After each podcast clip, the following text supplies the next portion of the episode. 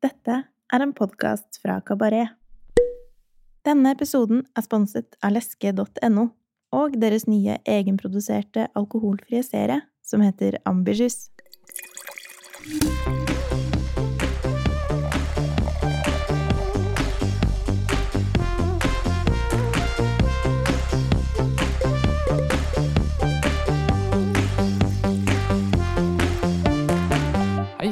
Til Ukas vin, en podkast fra Kabaret, der vi hver uke tester én vin vi tror vi vil eh, like. I denne episoden har jeg med meg Tore Christian Lie, eh, restaurantsjef på Araka Taka, Oslos eh, kosegourmetrestaurant numero uno. Hei, Tore. Hei, hei. Tore, du styrer et av Oslos mest spennende vinkart, syns jeg, hvor man finner et variert utvalg både fra store og små produsenter. Det er også mulig å finne eldre årganger av ganske så utilgjengelige viner. Og så må det nevnes at Tore nettopp har blitt eh, pappa. Grattis. Ja, vet du. Takk. Hva poppa du da Linnea poppa? Det var vel Cedric Bouchard. Var det Cotte Berchalin 08 var vel første boblene vi uh, feira med. Det var ikke første dagen, men uh, når vi hadde kommet litt i vater. det er ikke noe dum uh, måte å feire på det. Nei. Det er Strålende produsent. Ja, det er helt fantastisk. Helt fantastisk. Denne ukens vin det er en lett skallmasterert hvitvin fra Burgenland i Østerrike. Personlig så digger jeg hva de holder på med i Østerrike om dagen. Det er så mange spennende produsenter som hever regionen. Både naturvinmakere som Chida, Preisinger og Werlich, samt mer etablerte produsenter som Weide Malberg og Nikolai Hoff, for eksempel som også jobber biodynamisk og har holdt på med det en god stund. Hva er ditt forhold til Østerrike, Tore? Ja, det har eh, først og fremst kanskje vært representert av den, ja, de mer klassiske produsentene som Nikolai Hoff og Petter Weider Malberg, som har vært blant mine favoritter. Eh, begynner liksom å seile opp litt flere Jeg vet ikke om det er hva som er representert i, eh, i Norge, eller om det liksom er uh, også trendene i Østerrike, som har endret seg. Men det kjennes som det er som det er flere som begynner å tenke litt mer en litt, litt mer leken tilnærming til ting. Uten at det ene er å foretrekke fremfor det andre, men det er gøy med at det kanskje begynner å dukke opp et enda mer allsidig, altså bredere palett av vinstiler, kan jeg si. Mm. Det er jo noe av det jeg liker ved Strøk også, at en, de har liksom hele rangen, både lokale, regionale druer og de eksperimenterer med masse som er fra andre regioner, og de lager, de lager spennende bobler, de lager spennende hvite, de lager masse kule skallmastererte hvitviner i, i, litt samme stil som i Nord-Italia og Slovenia. Mm. De lager superdigge, leskende rødviner. De lager tunge kraftpakker av noen rødviner. Veldig seriøse rødviner. Ja. Så de har, liksom, har vært litt sånn i uh, Kjennes kanskje ikke som Det alltid har fått den oppmerksomheten de har fortjent heller. I hvert fall ikke her, her til lands. Ja, til å være et så lite land, så syns jeg det liksom, de lager alt, da. Det virker som det har vært på en måte For veldig mange så har Østerrike vært Grünerweltliner og Riesling i klassisk stil. Det er veldig gøy at det begynner å endre seg. At det begynner å bli mer å velge mellom. Helt klart. si. uh, over til ukens vin, som er fra søstrene Stephanie og Susanne Renner. De har siden 2015 vært ansvarlig for familiedomenet i den lille landsbyen Golz i Neusiedlersee i Østerrike. Før de tok over vinmakingen på hjemmebane, så jobba de jorda rundt hos ganske mange anerkjente produsenter, som blant andre Matassa i Sør-Frankrike, Testalonga i Sør-Afrika og Tom Shobrook i Australia.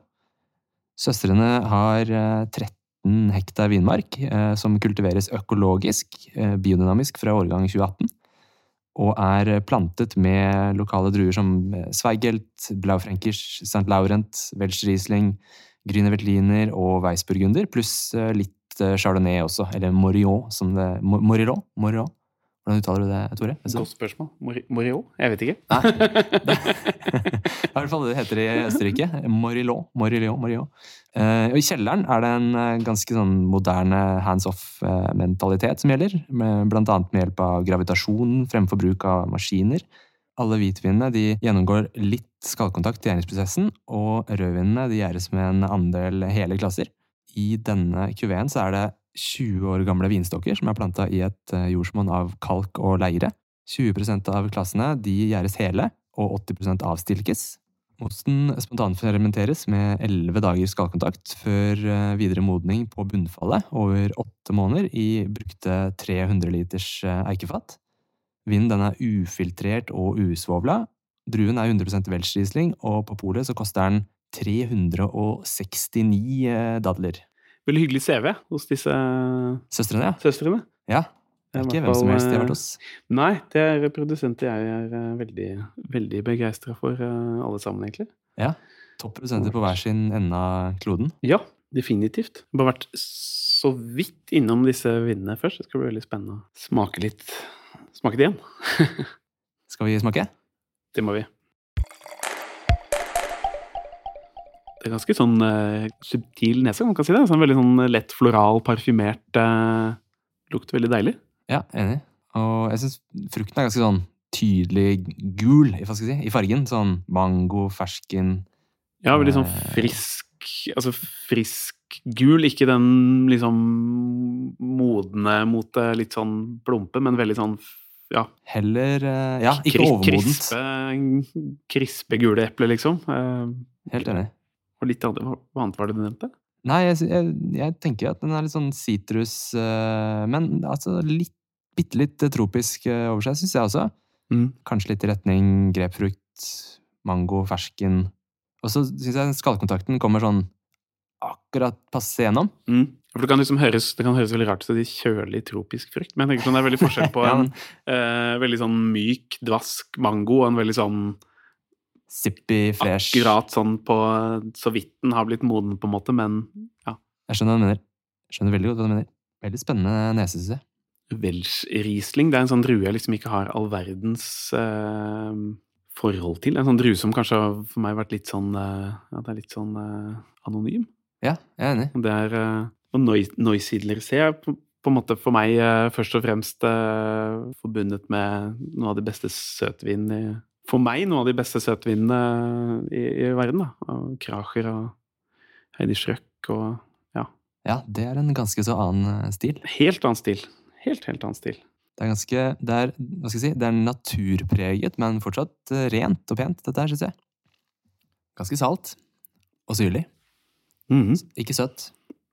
Definitivt ikke søtt. Definitivt ikke rikt. Nei, det er, det er stramt og fresht. Det er veldig eh, ja, Veldig lett på foten. Veldig eh, frisk, delikat stil. eh. Det følger liksom veldig opp eh, det man kanskje forventer etter å ha luktet på vinen, Mm. kjenner jeg. Liten touch av litt volatile syrer inn i bildet her. Mm. Jeg synes det, her syns jeg det bidrar positivt. Det kan jo, kan jo tippe over noen ganger, og det varierer litt hvor, hvor følsom man er for det. Mm. Jeg personlig mm, kan like det. At det er noe som minner litt om en liten touch av eddik. Akkurat som i, å bruke det i matlaging. Jeg syns også at eh, så lenge det er gjort innenfor eh, rimelighetens grenser, så syns jeg også det kan gi et veldig sånn, det er litt sånn aromatisk løft til vinen. Og det kan gi eh, litt sånn ekstra energikick, på en måte. En liten ekstra X-faktor til, til vinen.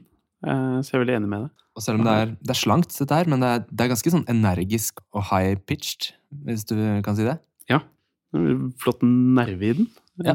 Et ord jeg er, eller det er noe jeg er veldig glad i i vin òg, egentlig. Det er, sånn, eh, det er ikke alltid så lett å sette fingeren på akkurat hva det er som gjør det, men eh, Jeg er enig, og så får man jo Du får virkelig lyst på liksom, en ny slurk. definitivt. Jeg ser, jeg ser for meg at det er noe man fint kan eh, drikke litt uh, mengder av. Hadde det ikke vært såpass tidlig, så skulle jeg dytta bort uh, spyttebakken. Nei, det, er, det er fint håndverk, dette her, syns jeg. Det er jo to, en produsent som har et veldig godt rykte internasjonalt uh, allerede, i tross ganske ung alder. Og begynner å få litt oppmerksomhet i Norge også, men det går fortsatt litt under radaren. Det har definitivt gått litt under radaren. Det er vel, hvor lenge er det de har Det dukket vel opp i fjor? Ja, jeg tror, Mener kanskje, jeg tror kanskje det er andre årgangen som er i Norge nå. Ja, jeg er ganske, ganske sikker på det. De har også to litt sånne enklere kuver som heter Waiting for Tom. Mm. Som er eh, navnet spiller på at de hele tiden måtte vente på Tom Løbø, som er vinmakeren til Matassa i vinmarken, for han er alltid så treig.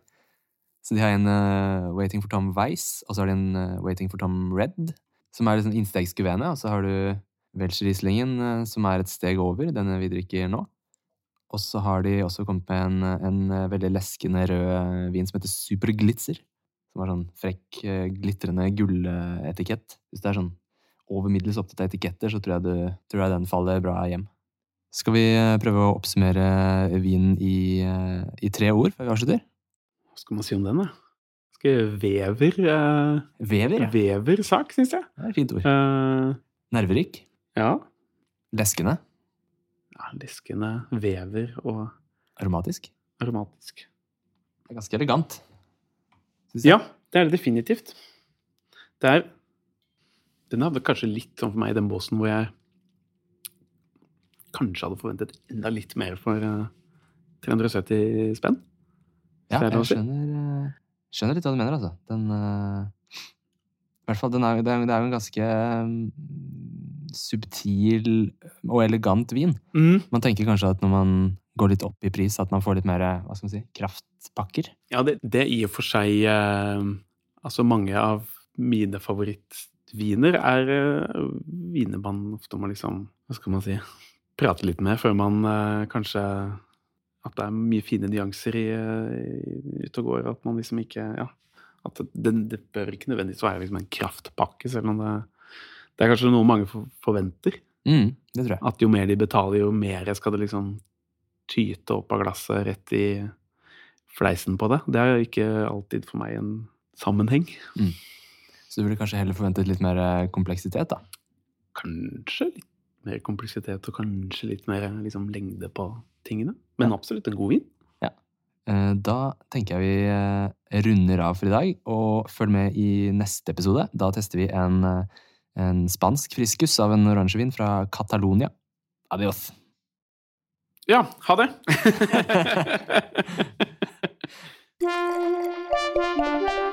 Ukens alkoholfrie alternativ presenteres av leske.no, som gir deg de beste og mest innovative alkoholfrie drikkene på planeten. Leske har selv utviklet Ambergers Clearly Confused, en spennende og sofistikert alkoholfri drikke.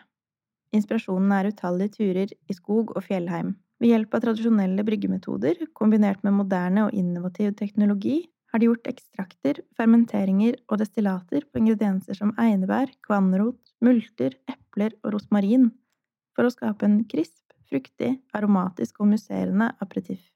Drikken er perfekt til spekemat eller for eksempel snacks som ost og salte mandler. Du som hører på podkasten Ukas vin, kan allerede nå bestille Amberjuice Clearly Confused på leske.no skråstrek amberjuice. Og for sikkerhets skyld, det staves AMBIJUS. URL-en finner du også i episodeinformasjonen.